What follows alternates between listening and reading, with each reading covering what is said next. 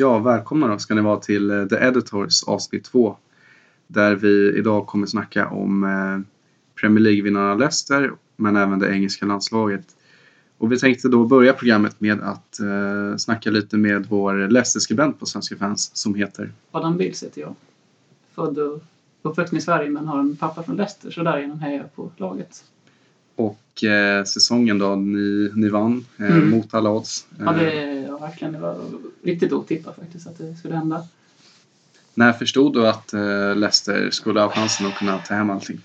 Ja, det var egentligen när de slog City i slutet på februari jag mig med 3 på. Och de verkligen, de vann ju bara med 3-1 men de körde ju över dem mer eller mindre matchmässigt. Och hade de 3-0 efter två mål av Robert Huth och en av Riyad Mahrez. Och så höll de det. Ja, släppte ner tröstmål på slutet då, men eh, och där jag kände att nu kan det faktiskt ske. För det var då de hade legat etta ganska länge och, och hade en rätt liksom, bekväm buffert om man ska säga ner till lagen under. Och, Mm. ja, så de såg starka ut överlag helt enkelt. Så, Var du orolig under no några delar av säsongen att äh, det här kanske inte kommer gå och de, de andra lagen är starkare, de kommer igen? Eh, eller tänkte du liksom, nej men vi är lika bra som alla andra, vi har visat det nu och ah, egentligen inte. Alltså, det var väl mest sista matchen då Chelsea och Spurs kryssade som avgjorde att allt blev klart. Och det var då Mm. man var riktigt nervös när man satt och lyssnade. Men annars så tycker jag att det, man alltid liksom inte förväntat sig att de skulle ligga ett. Alltså då har man väl lägre förväntningar. Och det, om de kryssar någon match så Mm. sak samma höll jag på att säga. Men alltså, nej, egentligen inte. Det har ju hänt lite här under silly season nu och Mm. det kommer nog hända ganska mycket till Mm. eh, innan ligan börjar, börjar igen. Men det här med att eh, Conte eh, Mm. såldes till Chelsea, jag läste ju din artikel där på sajten och du verkade ju minst sagt besviken. Mm, ja, det, det, man, man blir riktigt besviken. Det känns som att det, det är mycket pengar i hans beslut. Var kanske inte han helt själv som tagit beslutet, det kanske hans agent. Men det, men vet, han ser väl en framtid i Chelsea, han ser väl inte i Leicester tyvärr. Så att Mm. man får väl respektera hans beslut på så sätt. Men kan du inte förstå, eh, ni tog honom från eh, franska ligan Mm. och utvecklade honom till en eh, klassspelare. Han Mm. slog sig in i franska landslaget och spelade under EM. Och Mm. Ni har ju gjort en eh, stor ekonomisk vinst i försäljningen också kan jag tänka mig. Ja, vi har väl gjort en ekonomisk vinst men jag, ägarna har ju ändå kapital att investera i andra spelare så det är väl lite av en bonus att vi fick den där överskottet på 20 miljoner pund och det Mm. blev nu i, i slutändan på honom. Så.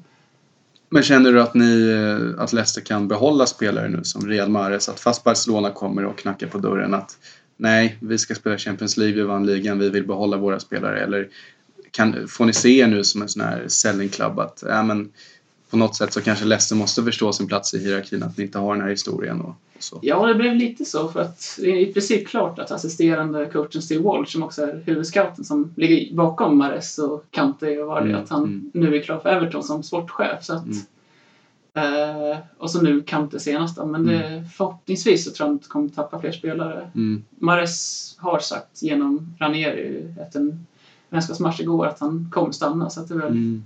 Det är väl han jag är mest orolig för egentligen. Ja. Eh, Det finns väl lite positivt i att eh, kaptenen Wes Morgan ja, förlängde nu till 2019 och även eh, Jamie Wardy har Mm. förlängt också. Så Mm.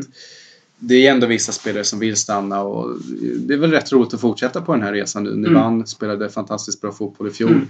och får spela Champions League nu. Ja. Eh, Det är klart att har man lite hjärta i sig så, så stannar man väl i Leicester åtminstone ett år till. Ja, det var lite så jag resonerade när Kante lämnade. Så att, eh, Mm. Och nu när... Jag tror att många av spelarna kanske tänker resonera på så sätt att det ändå är en spännande resa framför sig med att försvara Premier League och Mm. debut i Champions League. Och, Mm. ja, det är som ett oskrivet blad egentligen hela Leicester, alltså Mm. efter den här osannolika seriesegern. Då, så att, Vad tror du om framtiden då? Kommer ni kunna prestera lika bra nästa säsong? Och, ja, det, det är inte omöjligt. Jag tror inte kommer vinna än, men säkert topp 6. Det, det och, känns hur, rimligt ändå. och hur tror du ni kommer klara av allt matchande? Dels Premier League brukar vara ett ganska tufft spelschema, Mm. framförallt när man kommer in på jul.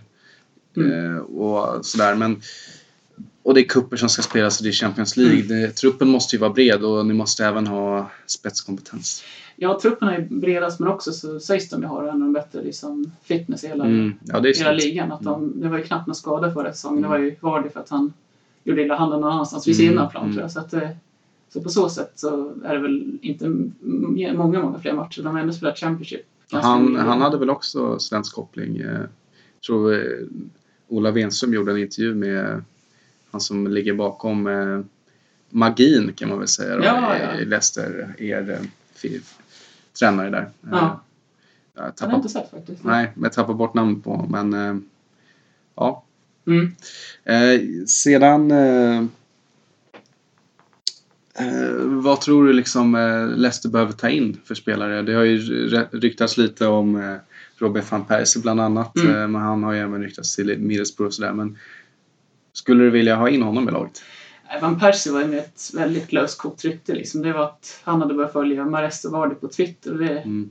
Om man ska koppla det till att han ska gå till Leicester det är väl kanske lite långsökt. Men det, Men tror du inte han är ute efter Ja, dels eh, köra Premier League igen, men just att det här Champions League, att det lockar. det, det kan nog locka tror jag. Det, det, ja. Turkiska ligan är väl svagare än engelska ligan kanske. Så det är kanske det han söker en ny utmaning i det. Då. Mm. Men det, ja, jag tror van, just Van Persie verkar nog närmare Middlesbrough vad jag läst i alla fall. Mm. Så att det, jag tror på anfallsfronten så har ju Leicester fyra anfallare nu i Vardy, Musa, eh, Okazaki och Hujora. Så att, Just det, just det. Sen har ni även en ersättare till Kanté. eh, ja, det är Na- Nampalys Mendy, eller Mm. Pappi som han kallas Mm, för. Så att mm. Han sägs vara samma spelstil som, som var Kanté. men- Och det är Steve Walsh som har handplockat Ja, honom. det, ja. Mm. De tittade på honom förra säsongen. Det var, han var faktiskt första valet framför Kanté då. Men just det här med att han ska gå till Everton, vad tror du ligger bakom det? Och känns det som att... Eh, eh, varför ska han lämna nu när han har gjort så mycket bra för Leicester? Han har säkert erbjudits ett lukrativt kontrakt antar jag. Det, det är väl ändå lite mer seniorroll än att vara assisterande tränare och huvudcoach då. Så att det, Leicester borde ju ha råd att enbart eh, sätta honom på en, eh, på en tjänst som scout. mm, mm. Ja, det, jag ska bli intressant att se vem som kommer ersätta nu för att eh, förhoppningsvis så tappar vi inte för mycket personal runt omkring Watch Mm. för att det är ett Mm. antal tekniska scouter och så vidare som Och så har ni han med det coola efternamnet Shakespeare. Ja, Shakespeare, han, han borde sitta kvar. Det, Mm. Han skrev ändå på nytt kontrakt och Mm.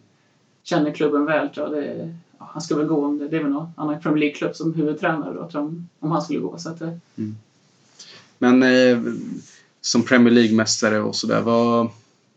Känns det bara bra just nu eller är du lite orolig för framtiden? Med... nej, det känns fortfarande som man, som man flyter bland målen. Liksom. Mm. Det, är svårt att ta in att de har vunnit Premier League. Och, Mm. Tycker det var kul när man spelar som spelade en träningsmatch igår som man följde lite lätt. Så det, Mm. man ser fram emot att spela helt enkelt. Så att, Mm. Vad tror du det var som gjorde att Leicester vann ligan den här säsongen? ja, de säger ju att de andra lagen var svaga men det, Mm. Du vill inte riktigt hävda det var väl dels det liksom. Men, det, men ändå att Leicester ändå har en otroligt stark lagsammanhållning med att de spelar som ett lag. Även fast de har vissa fixstjärnor i Vardy och Mares och mm. Kante som lämnade. Så att Mm. Det men också att det, det är många som fortfarande liksom frågar sig hur kunde de vinna. Inte ens Ranieri visste det. Att han, Mm. Det var ju verkligen flyt i princip. Mm. Plus lite lagsammanhållning och Mm. lite tur då, helt enkelt. Så att, Nej men just med den historiken eh, det Tinkman hade också. Mm. Att det gick inte speciellt bra med Grekland och, och så att han inte hade vunnit någonting. Eh, nej, första, egentligen. första ligatiteln har han vunnit. Så att, Ja. ja.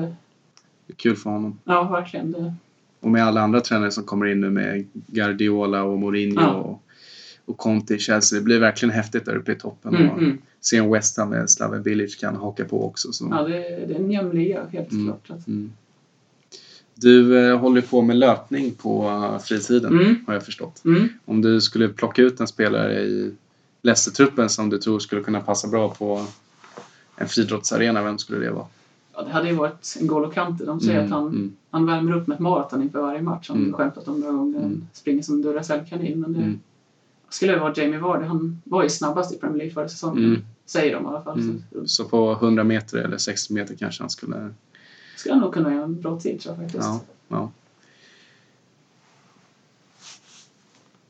Vilket lag tror du vinner Premier League eh, nästa säsong? Eh, Och hur kommer det gå för Leicester? Du var ju inne på att de, eh, ja, men att de kommer vara kvar i toppen. Att de kommer Mm. klara det. Med den truppen de har nu eller är det liksom att eh, måste det in lite nya spelare känner du? Va- tror- Vilken lagdel är, är mest benägen av eh, att förstärkas? Eh, ja, det, är, lätt att säga att den är komplett. Men det är väl liksom att man ska hitta en ersättare till Kante då. För han var ju Mm. så otroligt viktig på mittfältet. Så att om, här, om Napolis Mendy nu kan vara ersättaren så och att de spelar som de gjorde förra året så tror jag definitivt de kan vara i toppen. Men att Mm. vinna det är ju som sagt många som är med där med Guardiola och Mm. Mourinho och Conte och Arsenal och Spurs borde väl också Mm, kunna mm. förbättra sina misstag från förra säsongen. Så att, ja, det är svårt att säga faktiskt. Jag Ja. kanske ska slänga ut med City tror jag och kanske förut United med Zlatan då. Så att, Mm, Det ska mm. bli kul att se honom i Premier League. Ja, jo, spännande. Jo, det kommer ju... Vi är väldigt många här i Sverige som följer Premier League redan, men eh, Mm. med Zlatans ankomst så kommer ju intresset öka. Mm. Ja, verkligen. Det var, det var oväntat men ändå väntat på på sätt och vis ska jag säga. Mm. Ja, det, det ska bli spännande att se vad, vad han kan tillföra. Det, Mm. han har ju arbetat med José Mourinho tidigare Mm. och just det faktumet tror jag kan, eh, kan tala till hans fördel. Sen tycker inte jag, han hade ju ingen bra EM-turnering och Mm. börjar bli till åren och sådär. Men ha- han är ändå en målskytt och han har alltid någonting att bevisa. Mm. Och ja, jag tror det kan bli ganska roligt för Manchester United den här Mm. säsongen. Utan att säga för mycket. Mm. Men eh, det var kul att ha med dig i det här programmet. Tack, tack. Så, eh, så hörs vi. Um, bra.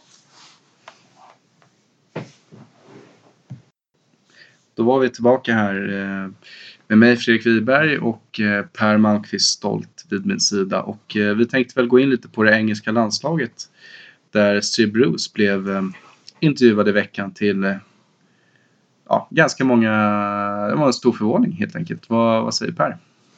Ja, det är väl, jag tror att det, när det gäller Sam Allardyce och Steve Bruce så är nog bådas mål egentligen, slutgiltiga mål är att bli engelsk förbundskapten. Så på det sättet fanns det säkert ett, intresse. Men sen om Bruce verkligen är rätt person. Vi har ju sett sådana här shortlists. Så att um, de har varit intresserade av Bruce, Allardyce, Klinsmann, Glenn Hoddle och Eddie Howe åtminstone. Sen kanske det är några till. Mm. Av dem så har de, som vi nu förstår, har de intervjuat Bruce och Allardyce. Och det kommer sannolikt att bli Allardyce när som helst egentligen. Eh, Det som de har gemensamt de här eh, är ju att alla är ju motivators som man säger. Mm. Eh, De kan... England har ju haft problem tycker jag i många år. Egentligen väldigt många år oavsett vilka förbundskaptener de har haft. Att när de tar på sig Three Lions tröja så blir de inte riktigt så bra som de kan vara i klubblagen. Mm. Av någon märklig anledning. Den här personen som de säger att ska finnas där syns i alla fall inte. Mm. Tyvärr.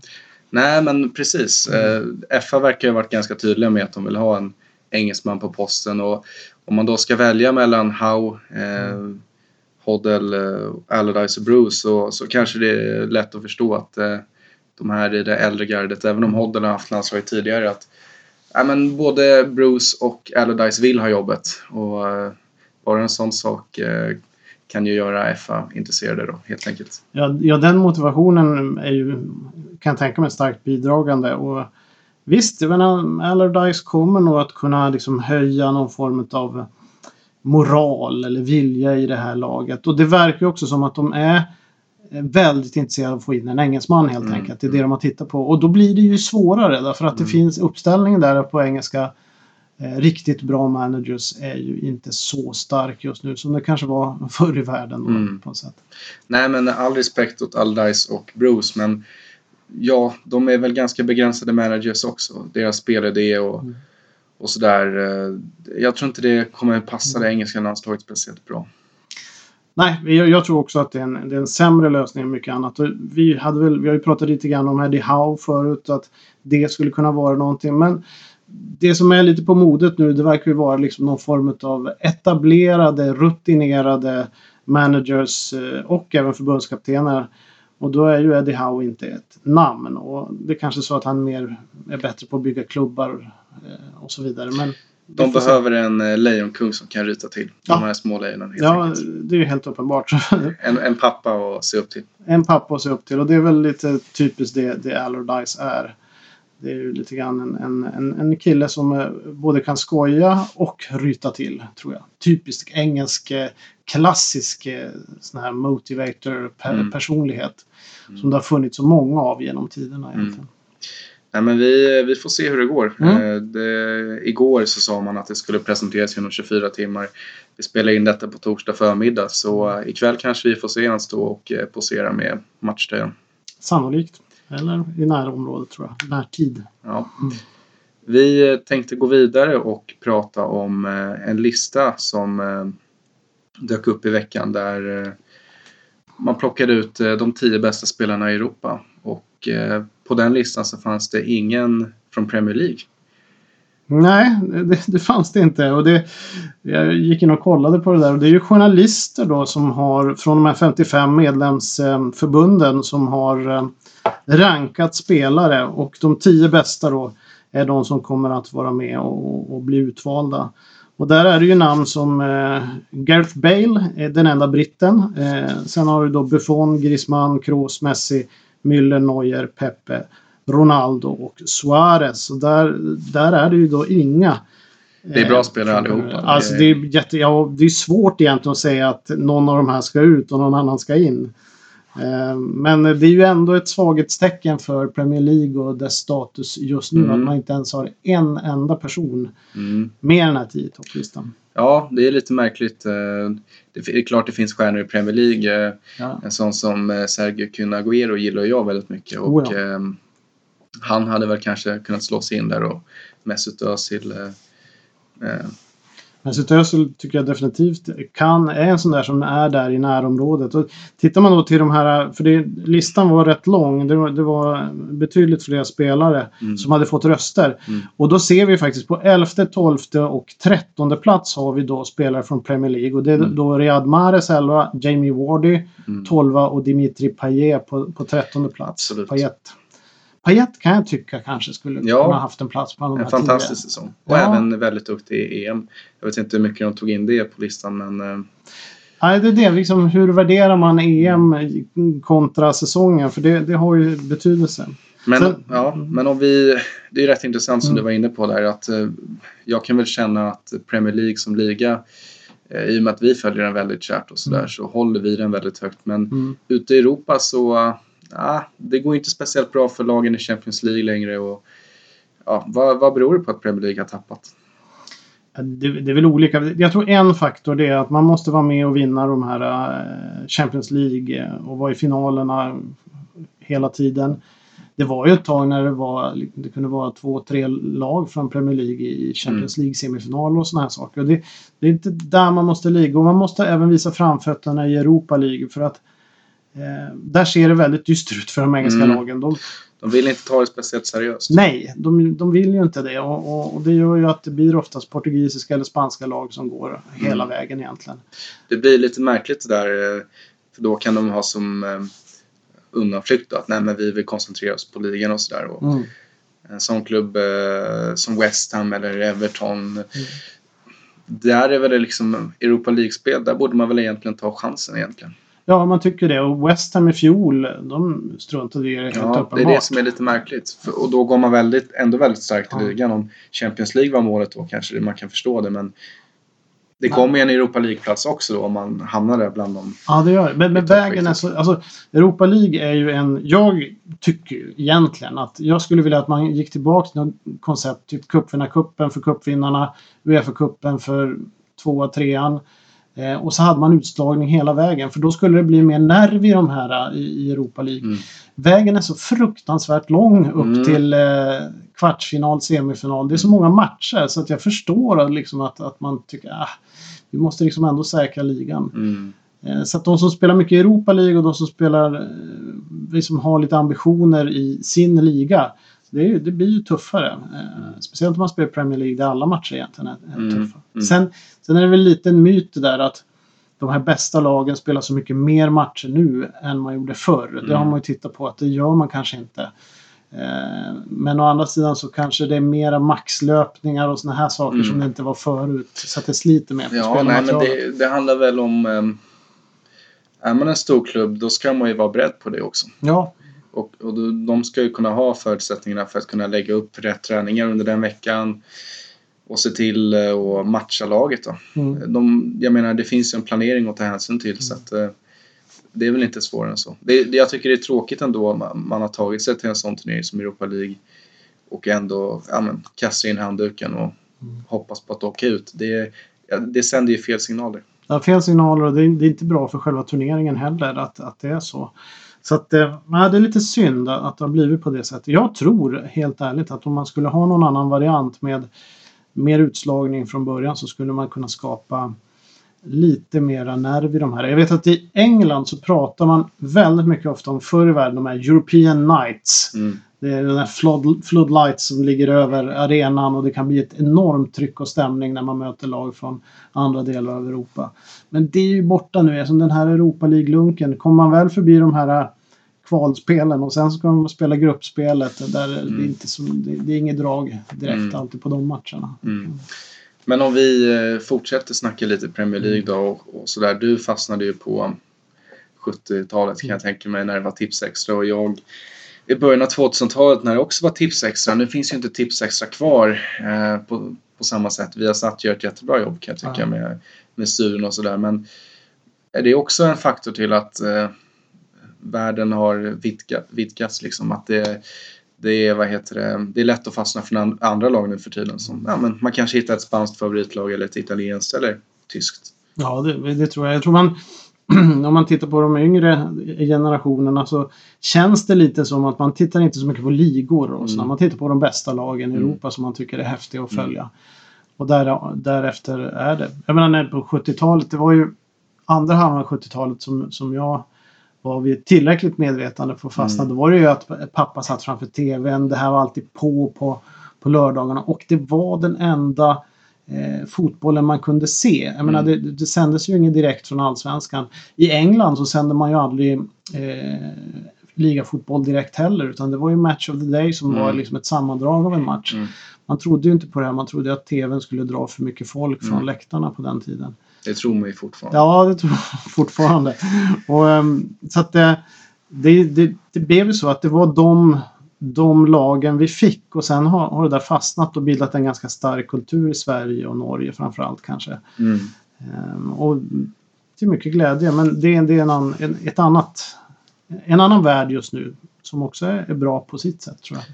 Varför tror du vi svenskar och norrmän då eh, har så lätt att åka till England? Dels i och för sig, det är ganska nära Mm. och språket kan väl ganska många men eh, ändå. Det är, det är ändå rätt eh, lustigt att så många av oss eh, verkligen går in för den engelska fotbollen speciellt mycket.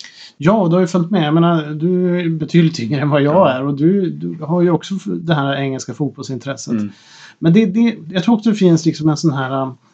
Eh, att, att det ärvs ned på något sätt genom generationerna. För att eh, fortfarande så blir det så att många håller kvar vid det här engelska. Och vi har satt till exempel, de har ju satsat jättemycket på Mm. engelsk fotboll och de är enormt duktiga. Och jag, det, det finns kvar men det tunnas ut lite grann. Eh, det är väl egentligen det man ska vara beredd på.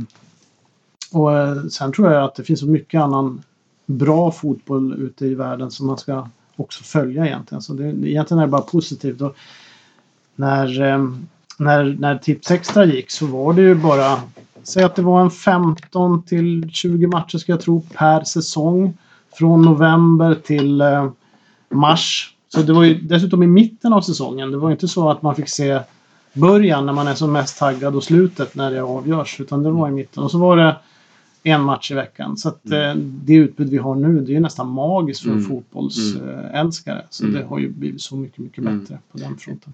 Ja, är det ingen generationsfråga så tror jag det är, det är Mm. nog ganska svårt att välja ett lag i The Championship idag. Även om det finns Ja. många klassiska och fina lag i den ligan så, så är det nog inte en 12-åring som kommer på att ah, det här laget ska jag hålla på. Utan Nej men så är, så det är det. väl, på något sätt kan jag väl tycka det är lite tråkigt också att vi går mot en sån framtid där man väljer de bästa lagen. Eh, Chelsea, Mm. Manchester United.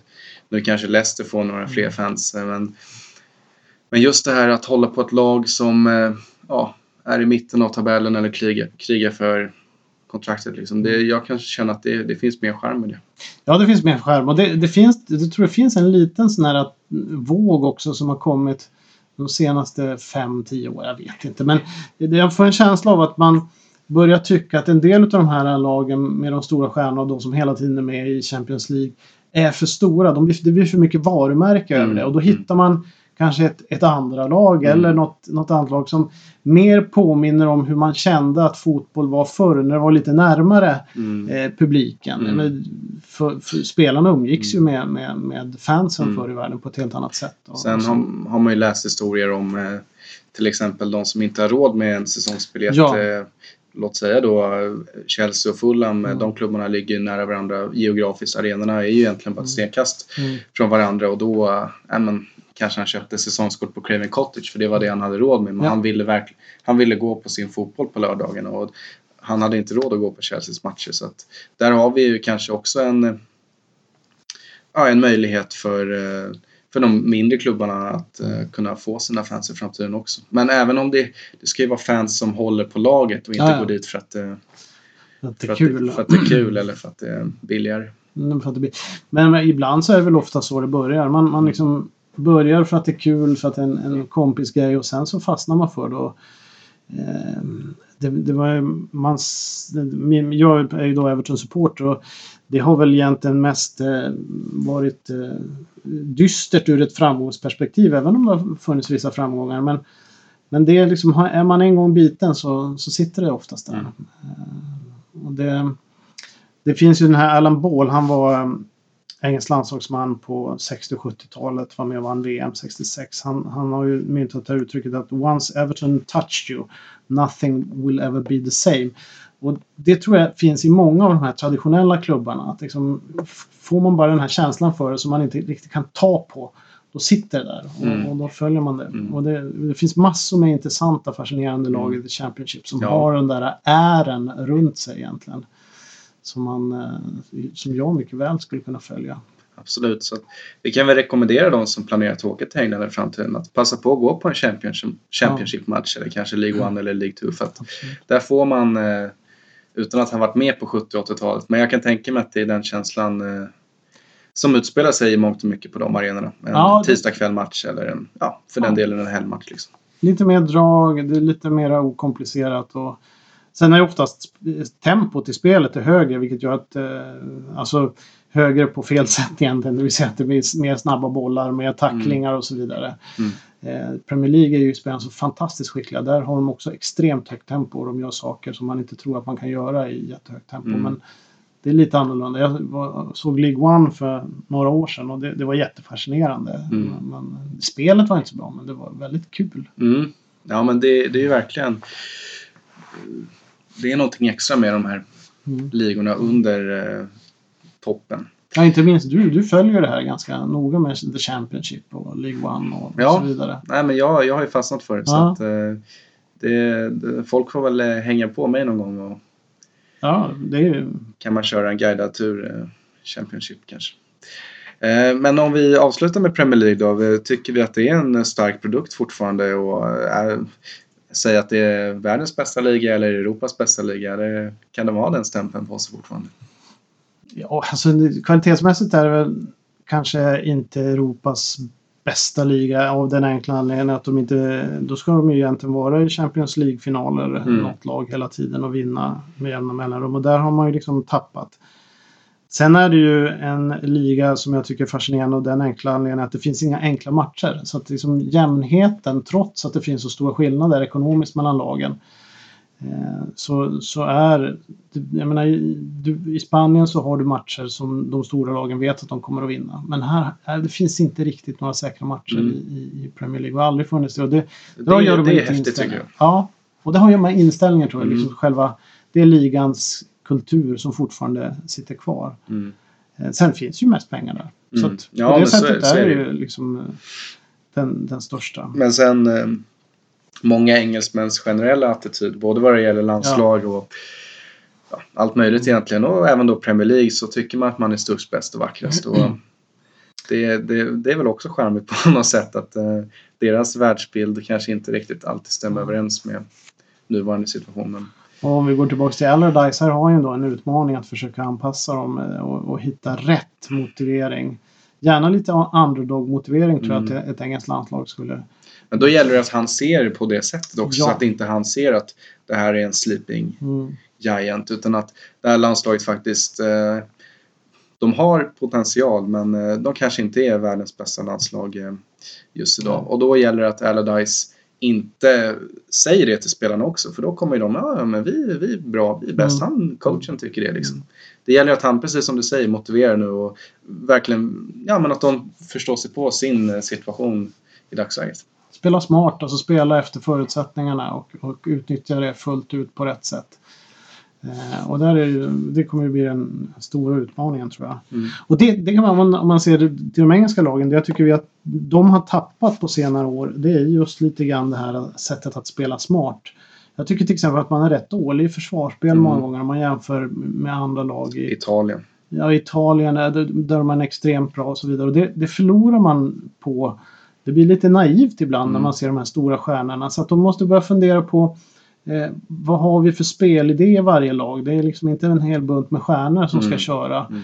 Eh, nu, nu har man ju gubbar som Antonio Conte och sådana som, Conte som är på väg in och det kommer ju bli ändringar Mm. eh, på den punkten. Mourinho och Att man får Guardiola. ett helhetsperspektiv. Ja, alla de har ju ett helhetsperspektiv. Mm. De har ju en, en, sin filosofi och det är det som jag tror behöver tillföras i de här lagen. För Mm. Spelmässigt, med, om man tittar till spelare, så är de ju tillräckligt bra. Ja, oftast. nej, men det, det är vi väl överens om. Och det finns väl en eh, kvalitet i det engelska landslaget, men den måste fram. Mm. Sen om det är Allardyce som tar fram det eller inte, det, Nej, det står väl eh, skrivet i sten. Men eh, vi, vi får se vad som Mm. händer. Det är första VM-kvalmatchen börjar där i september och då är det mycket möjligt att Allardyce tågar ut och vi får väl hoppas att han tar en vinst och får en bra start. Ja, det är ju alltid, man vill ju ha med England i de stora turneringarna. Särskilt om man har följt engelsk fotboll liksom hela vägen från att man var jätteliten så vill man ju Mm. det. Det spelar ju ingen roll. Mm. Sen blir man ju nästan alltid frustrerad i varje turnering, men det, det är en annan femma. Mm. Men eh, vi stannar kvar på de Mm. brittiska öarna och eh, där kom en nyhet i veckan. Där det har införts nya regler i Premier League. Där domarna tar tillbaka mark helt enkelt. Och eh, de här eh, lustiga omringningarna vi har sett Mm. runt domarna när spelarna springer fram och sånt där. Det, det kan vara slut med det nu. Och det är väl bra. Jag såg att Gary Lineker hade twittrat någonting om att att, han tyckte att det här var en jättebra idé. Och att det kommer vara lite, mm, jag vet att du har varit inne på det också, stökigt till en början men Mm. sen så kommer det nog bli rätt bra. Eh, Det är ju liksom ett sätt att påverka eh, domarna som ibland känns som att man har satt i system från vissa klubbar, kanske lite de större klubbarna. Och det ska man ju inte behöva ägna sin tid åt egentligen. Nej, nej. Sen kan det bli lite roliga situationer av det Mm. hela, speciellt i början. Men jag tycker det är, det är mest fånigt. Eh, Det är vuxna män och professionella idrottsspelare som beter sig som barn. Jag kan köpa det där om det är Sankt Erikscupen. Mm. eh, Mm. Ja, det, det kan jag- och Om man tittar till Premier League så har det ju rent traditionellt har det ju alltid varit så att man man ska inte hålla på med sådana saker. Mm. Men det här har kommit. Var det med- bättre stil på spelarna förr? Ja, alltså det var annorlunda. De var ju, det är så stor skillnad. Alltså, spelarna idag är så mycket, mycket bättre. Det är roligare att se på en Mm. fotbollsmatch Mm. på det sättet. Mm. Men det var en del sådana här attitydskillnader. Till exempel, jag vet att eh, det, det fanns många klassiska mittbackar från 80, även upp på 90-talet och, och så vidare. Och där var det ju så att överhuvudtaget lägga sig ner på backen, det var inte en, en tanke. Filma fanns inte därför Nej. att i deras värld så skulle det vara ehm, att visa forwarden att man är svag. Mm. Och det ville de inte. Mm. Eh, Så det är annorlunda och var annorlunda. Men det fortfarande tycker jag i Premier League finns kvar lite grann här att man, man slänger sig inte i onödan. Men just Ja. det här att påverka finns det. En sån som Costa, han har väl både och liksom. Att, Han har både och. för att, eh, jag har själv snackat med Mm. En gammal spelare från England eh, som spelade på 50-talet eller Mm. 60-talet. Och då, han var forward och då var det verkligen så att nej, men han skulle göra det jävligt för mittbacken och Mm. sätta en armbåge i honom Mm. tidigt och visa att nej, men det är jag, du spelar mot mig här. Liksom. Mm. Och det där beteendet har ju Costa också Mm. med, med sina fulknep. Mm. Men, men samtidigt har ju han, han den här sidan där han kan lägga sig ner för ingenting och spela över situationer och sådär. Ja, nu måste ju även en sån som Costa välja väg här. Så är det ju. Och det Costa har emot sig kanske det är ju att eh, det finns kameror eh, numera som Mm. gör att man registrerar allting och man ser när, när, när det fuskas. Det hade ju inte den här gubben på, Mm. på 50-talet. Nej, nej. Och, eh, det Costa har för sig, det tycker jag är någonting som har hänt, är att regelverket idag ser så ut att det gynnar mer forwardspelarna än försvararna. Mm.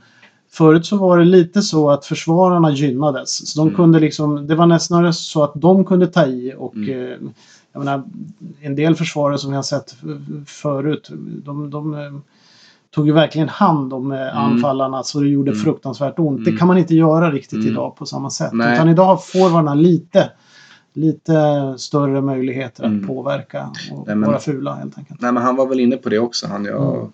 Snackade med. Att Mm. även försvararna där, så fort han tog första löpningen Mm. då, och de fick kontakt med varandra, Mm. det, det vart ju ett krig där liksom. Mm.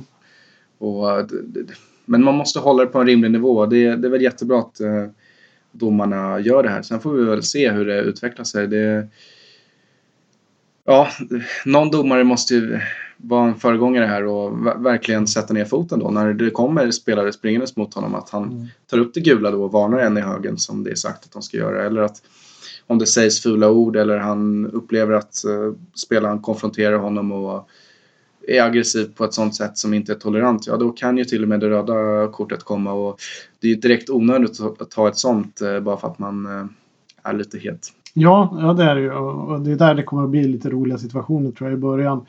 Eh, eller roliga, kanske inte roliga då för det lag Beror på vilket lag man på. ja, precis. Det, det är väl lite så kanske. Men, men, ehm, men det är också så, lite, domare är ett tufft jobb tycker jag. Mm. De, de, det handlar väldigt mycket om att eh, kunna leda verksamheten på plan utan att synas och vara eh, en person som eh, i sitt ledarskap eh, inte är den som viker ner sig om liksom folk kommer fram och protesterar. Mm. Men man kan ta bort de här helt uppenbara Mm. Tramsgrejerna Mm. när det springer fram fem spelare Mm. och, och Mm. ska påverka domaren. Och, För det där, det kan man ju se direkt att det är, ju- det är satt i systemet. ja, ja, En spelare som kanske har blivit felaktigt behandlad, Mm. att han går fram till domaren och vill ta en diskussion, det är ju fullt naturligt. Mm. Absolut. Men, men på något sätt eh, så är det väl jättebra att man kan skydda domarna på det här sättet. Att när det kommer en ring runt honom Ja. att eh, ja, dels blir väl han att Ja, men det är väl just det att det är fem killar som står runt honom. Att hur lätt är det att ta beslut i en sån situation? Det är svårare. Man ser också mer utsatt ut. Och det Mm. det blir, ehm, så att det, det, jag tror att det där är, i, i förlängningen så är det en, en väldigt bra lösning. Så tycker vi det är rätt att eh, visa rött kort åt Costa efter att han kommer fram till domaren och svär på Ja, Sitt det, det måste man kunna. Och är reglerna sådana så, så Mm. är det ju så. Mm. Det kommer ju kosta att anpassa sig efter. Han är ju väldigt anpassningsbar. Mm. Den herren. Eh, så Om han ens blir kvar i Premier League. Han har ju Ja, ryktats vet bort nu till Ja, Atletico. ja. Det, jag vet inte om vi vill vi ha kvar honom i Premier League. Ja, det är ju en... Jag, Costa både hatar man och älskar, älskar man så att säga. Det, det är ju en profil. Pepe då. ja. Ja. det är en profil. Peppe är ju magisk fotbollsspelare. Mm. Sen Ja, gör han massa fantastiskt duktig. dumheter. såg man ju i EM. Ja, och det är samma med Costa egentligen. Mm. Och ibland så tror jag att de där personerna behövs för att liksom höja lite hettan och intresset Mm. och, och prata om eh, ligan och prata om spelarna och sådana grejer. Men varför kan man inte bara vara en stjärna och visa att man är bäst utan att hålla på sådär? Ja, en del har ju, de har ju alltid hållit på med sina små grejer he- hela tiden. Och de, det, jag tror de har det där från ungdomsfotbollen nästan när de höll på. Tycker Men jag kan hålla med. Det, skulle behöva fler som Ole Gunnar Solskjaer. Ja, där har du en. Eller. Gary Lineker var ju också en sån där som aldrig, han tror inte ens han har ett gult kort eller Mm. sånt där. Han lyckas ändå göra en del mål faktiskt Mm. genom tiderna. Men han är ju extremt aktiv på Twitter nu där han skriver Mm. både det ena och det andra. Och den sidan av Lineker, den såg man den att han var den här ja, kanske gubben i lådan-figuren på den tiden. Det känns som att han verkar väldigt medveten om det han gör och det han skriver och det väcker ju debatt. Ja, men det, jag tror att Lineker är en väldigt eh, karismatisk och eh, smart eh, herre. Eh, För han lägger sig i politik. Han Mm. lägger sig i allt möjligt Mm. utifrån sin Mm. position. Och han är duktig också där tycker jag som, som programledare. Det, man, det som var med Lineker som är lite spännande det är ju det att han var en det man inte tänker på, han var rätt lat. Mm. Eh, det finns såna här historier om att eh, när han, framförallt det här, hans bästa år någonsin, det var nog det året han var i Everton och han vann skytteligan i England och vann skytteligan i VM och blev Player of the Year. Mm. Och då var han ju helt magisk. Men det lagkamraterna pratade om det är att han, han satt, låg ju mest i badet hela tiden. Jaså, för han var tvungen ja. att vila sina ömma lår och så vidare. Så han var ju inte alls särskilt sugen på att träna. men det kan ju inte skapa speciellt bra stämning i ett omklädningsrum. Ja, men han var ju liksom stjärna och, han, och det är där han liksom fixar det. Socialt tror jag han är extremt kompetent också, Mm. liksom att hantera det. Sen var han ju ett, ett fenomen för att de, de beskrev att man kunde slå den säsongen kom man tvåa i ligan och tvåa i FA-cupen. Och det man menar på att man hade tappat sitt kortpassningsspel. Och det byggde mycket på Linekers snabbhet. Det var så lätt att slå den här långa bollen för han fick tag på den. Mm. Lite grann som Suarez idag, Mm. eh, fast Suarez har mycket bättre teknik. Och sen just det där att, att eh, han gör mål, Lineker. Han gör mål, Mm. mål, mål. Det spelar ingen roll. Han har den där instinkten som, Mm. som så få har. Mm. Men det var därför han fick lite svårare när han hamnade kanske ute på en kant i FC Barcelona och, Mm. och så vidare. Mm. Och det var därför också tror jag att han slutade sin karriär rätt tidigt. För han, han, han är inte den här som går ner och tränar skiten ur sig. Och liksom Sen hade det driver kanske på. inte funkat i ett lag i dagens fotboll. Jo, det hade han nog gjort. Till ett, ett tag. Men Mm. det är klart att det är inte som, som Zlatan som är som bäst när han är 35. Mm. För att han tränar hårt och Mm. har liksom den här vinnarinstinkten. Den hade mattats av, av Lineker. Det är jag Ja. nästan säker på. Vad tror du om eh, Lineker som är framtida förbundskapten? Ja, varför inte? Om han är intresserad. Han har ju en ganska... Han har ju så behaglig tillvaro just nu. Mm. Det är ju inte alltid säkert att... Eh, det där kan ju, hans, hans varumärke är ju rätt starkt om man nu ska uttrycka sig i sådana ordalag. Mm. Och, eh, ett bra sätt att totalt sabba det för resten Mm. av livet och bli engelsk förbundskapten. Det, är, det är lättare att tycka till om startelvan än att ta ut den själv. Exakt, det är det. Det är en ganska stor skillnad. Vi, eh, vi tackar för oss här då. Mm. Och så eh, återkommer vi i vanlig ordning nästa vecka. Idén från början var väl att vi skulle starta igång eh, när säsongerna börjar. Men eh, vi tycker det är väldigt roligt att träffa varandra och sen är det ju sjukt kul att snacka fotboll också. Så Mm. att, vi, vi hörs. Gör det. Stay tuned. Ha det bra. Hej!